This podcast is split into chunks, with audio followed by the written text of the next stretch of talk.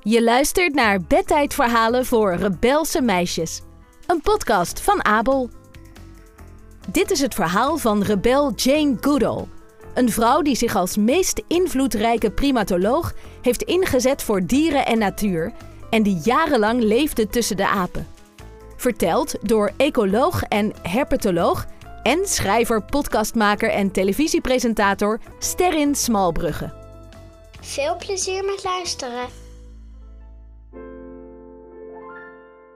Er was eens een meisje dat ervan droomde om met dieren te leven in het verre Afrika.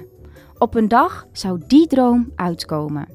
Haar onderzoek naar chimpansees zou heel veel invloed hebben op de manier waarop mensen naar dieren kijken. Haar naam was Jane Goodall. Als kind woonde Jane in Bournemouth, een stad in Engeland. Ze kon urenlang kijken naar de dieren die in haar tuin leefden. Ze legde regenwormen onder haar kussen, totdat ze leerde dat die gelukkiger zijn in de aarde. Ze temde een roodborstje door broodkruimels op haar vensterbank te leggen en het vogeltje langzaam naar binnen te lokken. Uiteindelijk bouwde hij een nest in haar boekenkast. Jane ging een keer in het kippenhok zitten om te zien hoe ze eieren leggen. Na lang wachten verscheen er een ei en Jane rende naar haar moeder en riep: Ik weet hoe kippen eieren leggen. Ondertussen was haar moeder al uren op zoek naar Jane. Maar ze moedigde Jane's nieuwsgierigheid altijd aan. Ik ben Sterrin Smalbrugge en dit is Bedtijdverhalen voor rebelse meisjes. De officiële podcast over rebelse vrouwen die ons inspireren en ons laten dromen. Gebaseerd op echte verhalen. Met in deze aflevering Jane Goodall. Als klein meisje was Jane verlegen en wilde ze eigenlijk altijd buiten spelen. Meestal zat ze hoog in de takken van een beukenboom in haar achtertuin. Daar las ze boeken en maakte ze haar huiswerk. Hoog in die boom las Jane graag verhalen over Dr. Dolittle, een personage dat in Afrika met dieren kon praten. En over Tarzan. Ze was hartstochtelijk verliefd op Tarzan en was jaloers dat hij met de verkeerde Jane trouwde. Toen ze die verhalen las, begon ze te dromen om zelf naar Afrika te gaan om met wilde dieren te leven en er boeken over te schrijven. Toen ze haar droom aan anderen vertelde, lachte iedereen haar uit en zeiden ze dat ze nog maar een meisje was. Iedereen behalve haar moeder, Van. Die zei dat als Jane echt iets wilde, ze er hard voor moest werken, kansen moest grijpen en nooit moest opgeven. Jane vergat het advies van haar moeder nooit meer. Op haar twaalfde begon Jane de Alligator Club met haar zus Judy en twee vriendinnen, Sally en Sue. Ze maakten een museum met vondsten zoals veren, zeeschelpen en notitieboekjes vol met aantekeningen. En Jane begon het Alligator tijdschrift om hun bevindingen te delen.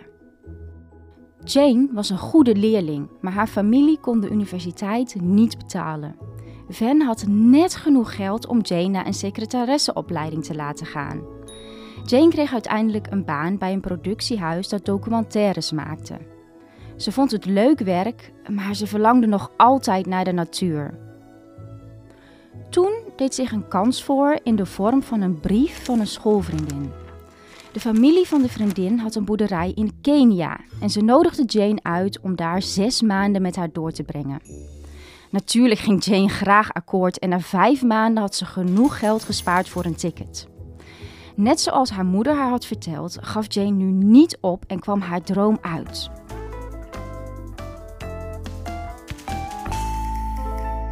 Wie ben je en waar hou jij je mee bezig? Ik ben Sterren Smalbrugge. Ik ben ecoloog en herpetoloog en dat is iemand die zich bezighoudt met reptielen en amfibieën. Wat was jouw meisjesdroom? Mijn droom was om dit werk te doen, om de buitenbeentjes, de dieren die de meeste mensen niet zo leuk vinden, een stem te geven. Hoe herken jij jezelf in deze rebel? Ik herken mezelf in Jane omdat zij in al haar tederheid en al haar zachtheid en vrouwelijkheid de hele wereld op zijn kop heeft weten te zetten. En dat vind ik heel mooi, dat je dus niet moet meten aan mannen, maar dat je ook in al je vrouwelijke krachten verschil kan maken.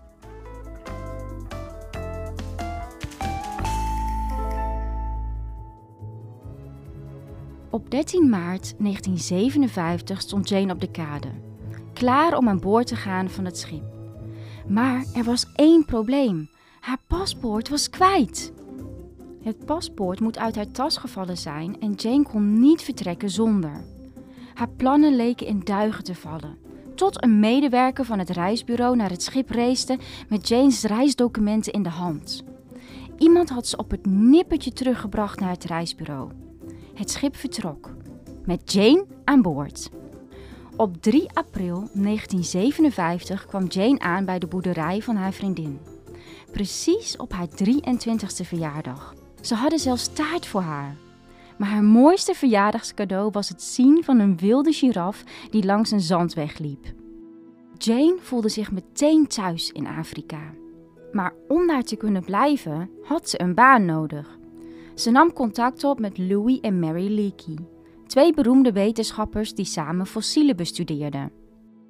Toen Jane en Louis elkaar ontmoetten, was hij onder de indruk van Jane's enthousiasme voor de natuur en haar avontuurlijke geest. Hij gaf Jane een baan als zijn secretaresse. Maar saai kantoorwerk was het zeker niet. Ze moest urenlang gehurkt in de stof zitten, waarbij ze voorzichtig fossielen moest borstelen.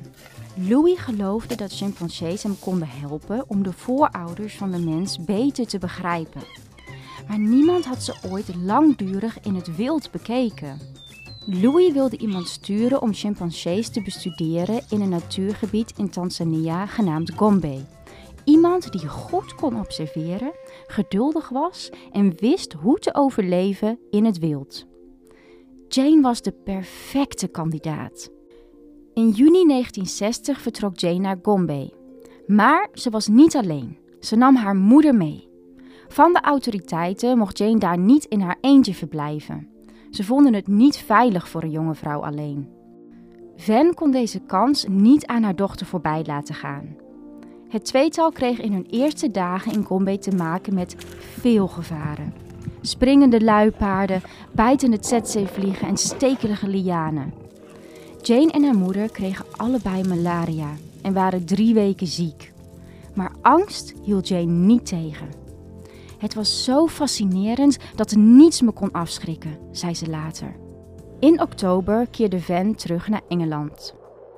Hoe leuk Jane het ook had met haar moeder, ze genoot ook van haar tijd alleen in het bos.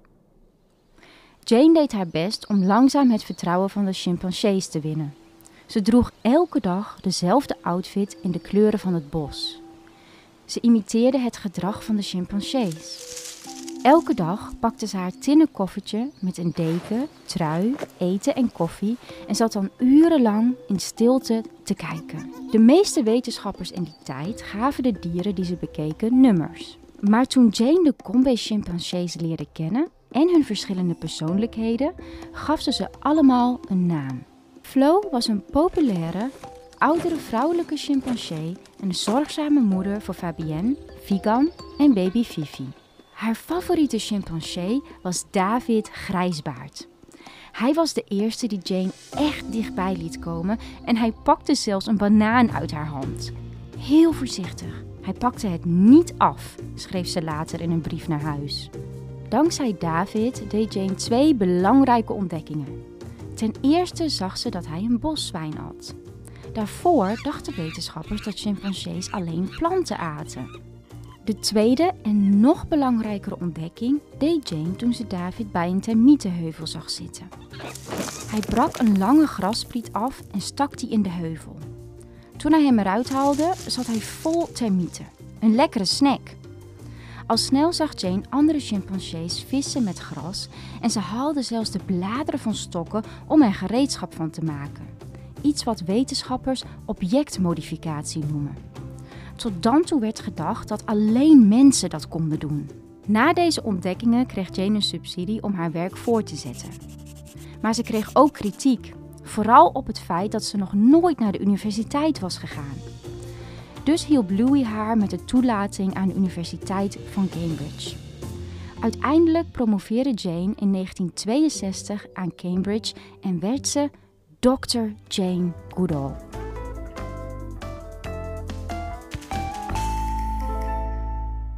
Heb je deze rebel ooit ontmoet? Jazeker, ik heb Jane ontmoet. Ik heb uh, zelfs uren met haar mogen praten. Ik heb haar een cadeau mogen geven. Uh, en ik zit nu um, in haar Circle of Hope, de cirkel van hoop, om haar werk voor te zetten. Heb je je droom waargemaakt? Ik ben bezig om mijn droom waar te maken. Ik heb uh, mijn boeken liggen op duizenden nachtkastjes. Ik heb tv-programma's gemaakt. Ik heb een podcast. Maar ik uh, wil zoveel mogelijk mensen bereiken. Dus ik denk dat net als bij Jane, dat mijn werk nooit klaar is. Hoe kan het dat je zoveel verschillende dingen naast elkaar doet? Ik denk dat ik zoveel verschillende dingen naast elkaar kan doen, omdat ik het niet doe omdat het mijn werk is, maar omdat het mijn belofte is, mijn levensmissie. Toen ik twaalf was, heb ik aan mezelf en aan de dieren beloofd dat ik dit ging doen. En daarom doe ik het.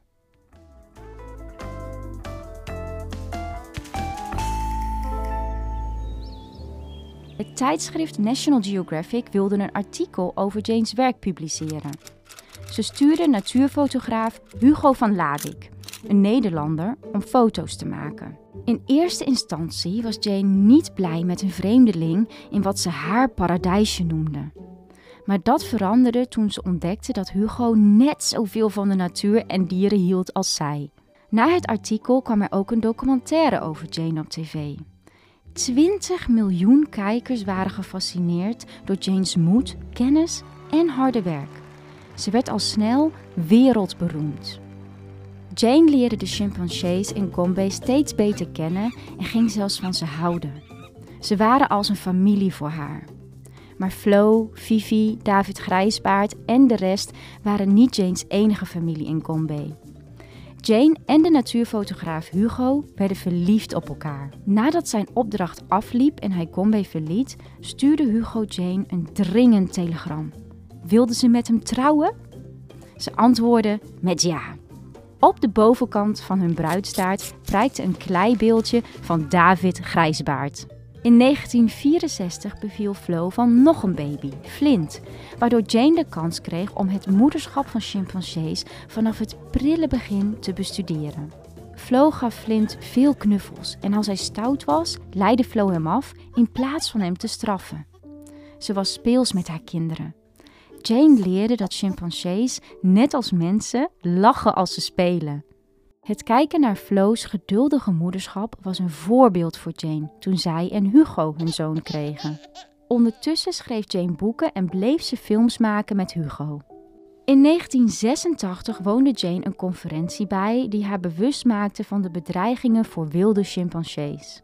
Op sommige plaatsen in Afrika werd op ze gejaagd. In andere delen van de wereld werden ze in kooien gehouden voor onderzoek. Jane vond dit afschuwelijk. Ik kwam naar de conferentie als wetenschapper. Ik ging weg als activiste, zei ze later. Ze ondernam meteen actie om chimpansees te helpen. Ze werden onder andere bedreigd door ontbossing. Minder bomen betekent minder voedsel en minder land voor chimpansees. Dus startte Jane een programma om gemeenschappen te helpen duurzaam te leven en meer bomen te planten. Een ander programma van Jane beschermt chimpansees in gevangenschap. Ze heeft ook een kinderprogramma Roots and Shoots, met leden in meer dan 130 landen die leren over dieren en hoe ze de natuur kunnen beschermen. In sommige opzichten doet het Jane denken aan de natuurclub die ze was begonnen met Judy, Sally en Sue. Jane legt uit, de Alligatorclub had maar vier leden. Roots and Shoots heeft honderdduizenden leden die proberen om deze wereld een betere plek te maken voor alle levende wezens. Jane reist elk jaar ongeveer 300 dagen over de wereld. Ze is nooit langer dan drie weken op één plek. Ze deelt een belangrijke boodschap over hoe we allemaal respect en liefde moeten tonen voor de levende dingen om ons heen. En vooral voor elkaar.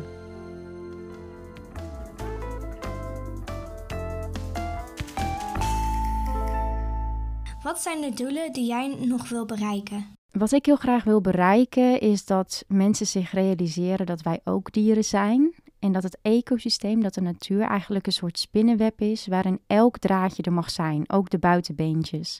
En als mensen zichzelf als onderdeel van de natuur gaan zien, dan is mijn missie bereikt. Welke tips geef je aan kinderen die hun droom willen bereiken? Nu, nu je op school zit en misschien nog jong bent, kan je jezelf heel anders voelen, buiten de boot vallen, een buitenbeentje zijn. Maar dat is juist jouw kracht. Dus daar mag je helemaal gaan instaan. En als jij een passie hebt, iets wat je heel graag wil doen, dan moet je dat nooit loslaten. Laat niemand jou vertellen dat je iets niet kan, of dat iets te moeilijk is, of dat je er geen centjes mee gaat verdienen. Gewoon doorgaan en niet loslaten. Heb jij ook een passie voor dingen, mensen of dieren? Iets waar je alles over wil weten? Denk dan aan Jane. Ze was nieuwsgierig en leergierig en ze bleef zich inzetten voor wat ze belangrijk vond. Een rebel als jij kan met moed en wilskracht alles in de wereld aan. Bedankt voor het luisteren. Je luisterde naar de podcast Bedtijdverhalen voor rebelse meisjes. Ben je benieuwd naar de andere verhalen? Abonneer je dan in je favoriete podcast-app, laat een review achter en mis geen enkel luisterverhaal van Abel. Tijd voor audio, tijd voor Abel. Tot de volgende keer.